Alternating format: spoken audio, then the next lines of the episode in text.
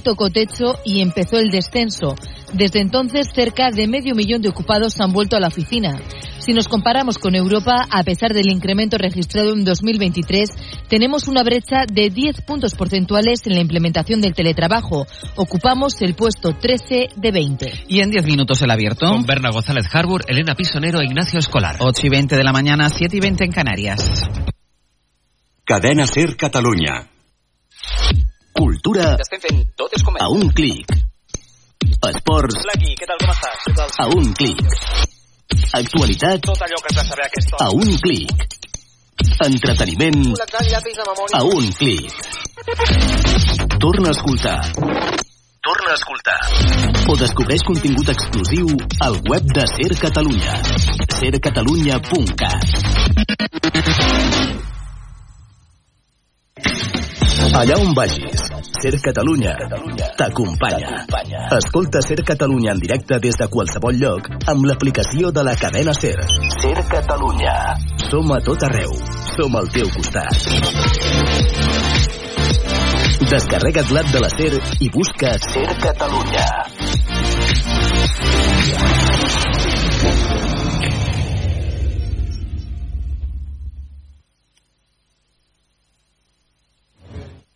Hoy por hoy Catalunya. Sergi López. Què tal? Molt bon dia. Nou matí de problemes a Rodalies per robatori de cable. Avui les línies afectades són la R4 i la R7 perquè el robatori s'ha fet a la zona del Vallès entre Sabadell Sud i Cerdanyola. Anem a l'estació de la plaça de Catalunya de Barcelona a veure com està afectant aquesta incidència. Carles Couso, bon dia. Hola, bon dia, Sergi. Doncs la recepta de sempre que hi ha problemes a Rodalies és paciència, paciència pels usuaris de Rodalies que avui ja s'estan mirant les pantalles d'aquí de plaça Catalunya amb cara de resignació.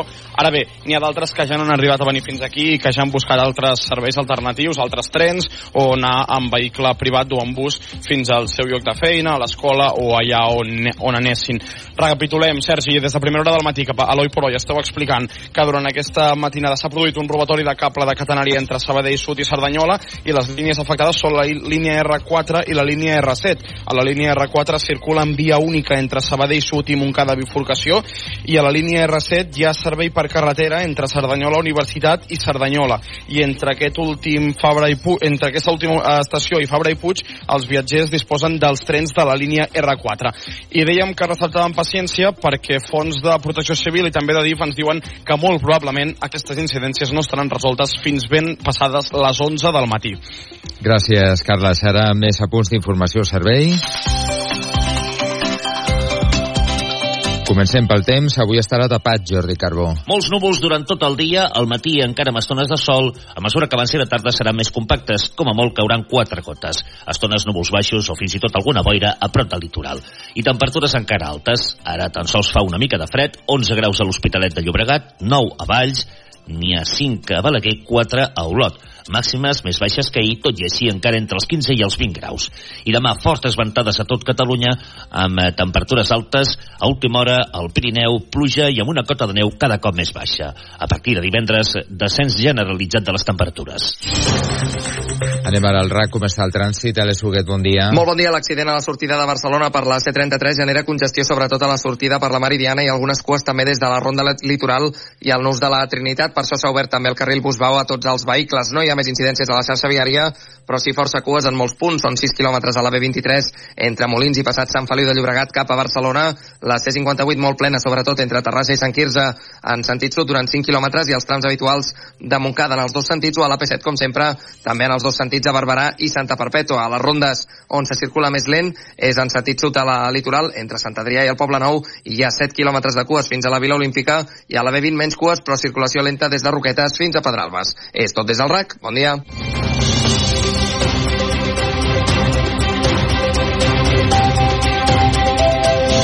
Arnau Baquer, bon dia. Molt bon dia, Sergi. El govern sobre retocar el pla contra la sequera davant les iniciatives del sector hoteler per omplir les seves piscines amb aigua d'una desalinitzadora privada. En un ple específic sobre la sequera, el PSC i Junts li han reclamat permetre-ho o fins i tot subvencionar-ho, mentre que d'altres formacions reclamen més restriccions. Informa Xavier Galló. El govern estudiarà les propostes del sector privat per valorar possibles canvis. Patricia Plaja és la portaveu. Estem mirant quines són aquelles coses que si són necessàries s'adaptaran.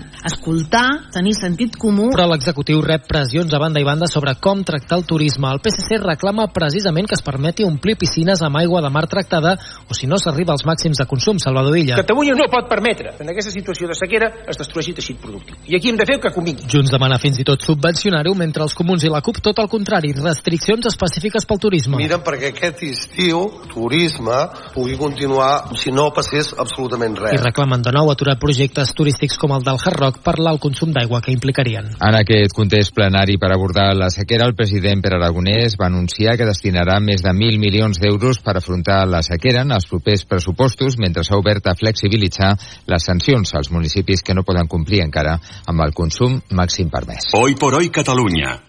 Si sumem una veu històrica de la ràdio Al llarg d'una hora i mitja us ha parlat Adelina Castillejo. a una de ben familiar pels oients de Ser Catalunya, Si us dic, eliminar impost de successions i garantir la construcció del Hard Rock, em direu, a veure, Marina, que estàs caducada, però no. el resultat és Converses de Ràdio.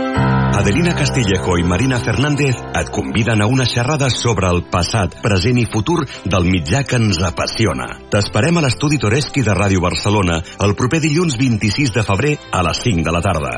Reserva la teva invitació enviant un WhatsApp al 648 83 43 78. 100 anys de ràdio amb el suport de la Generalitat de Catalunya.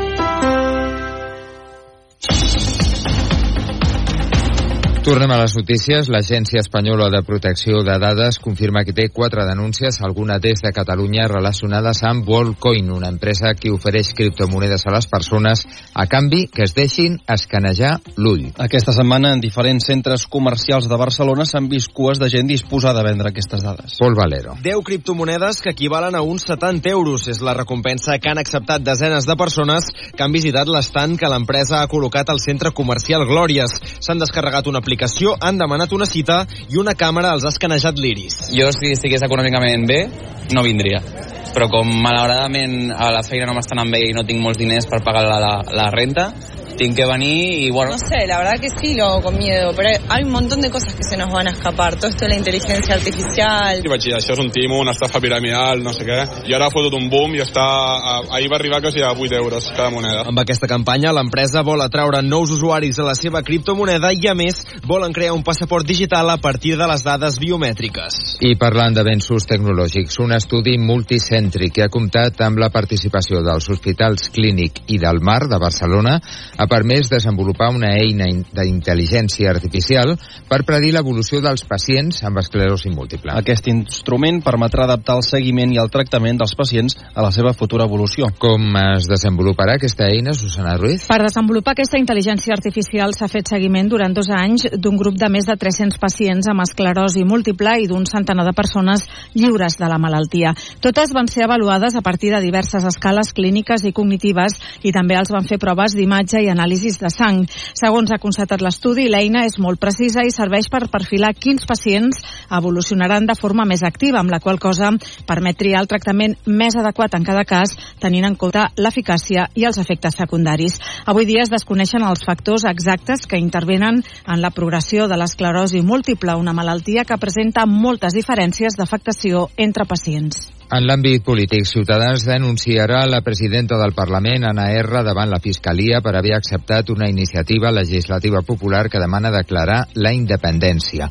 Ho han facilitat Junts i la CUP, però Esquerra s'ha abstingut. La proposta haurà de recollir ara un mínim de 50.000 signatures per ser debatuda a la cambra. Els tres membres de Junts i de la CUP a la mesa han permès que la iniciativa de la legislatura popular tiri endavant malgrat un informe dels lletrats que ho desaconsellava perquè supera els límits de l'Estatut. Esquerra ha volgut quedar al marge argumentant que la iniciativa no és útil ara mateix i és posar-se en un carreró sense sortida, però la CUP creu que s'ha de poder debatre. I el govern espanyol, d'altra banda, recorda García Castellón que Suïssa és una democràcia consolidada i insisteix en que no hi va haver terrorisme durant el procés. Això és el que sostenen des de Moncloa després que Suïssa s'hagi negat a revelar informació de Marta Rovira per la causa de Tsunami Democràtic. Ens ho amplia la Laura Pons. Poder debatre al voltant del que significa una declaració unilateral d'independència. Últimamente me estoy irritando Bé, no és possible escoltar a la Laura en aquest moment. Parlarem de l'actualitat esportiva. Avui a les 9 del vespre el Barça té una cita importantíssima davant el Nàpols per poder assegurar una plaça a quarts de final de la competició. Els blaugrana fa tres temporades ja que no superen la fase de grups i aquesta nit no els valen les excuses si volen continuar somiant. Recordem, el partit de tornada és el 12 de març al camp de Montjuïc. Arribem a dos quarts de nou del matí. Que tingueu molt bon dimecres.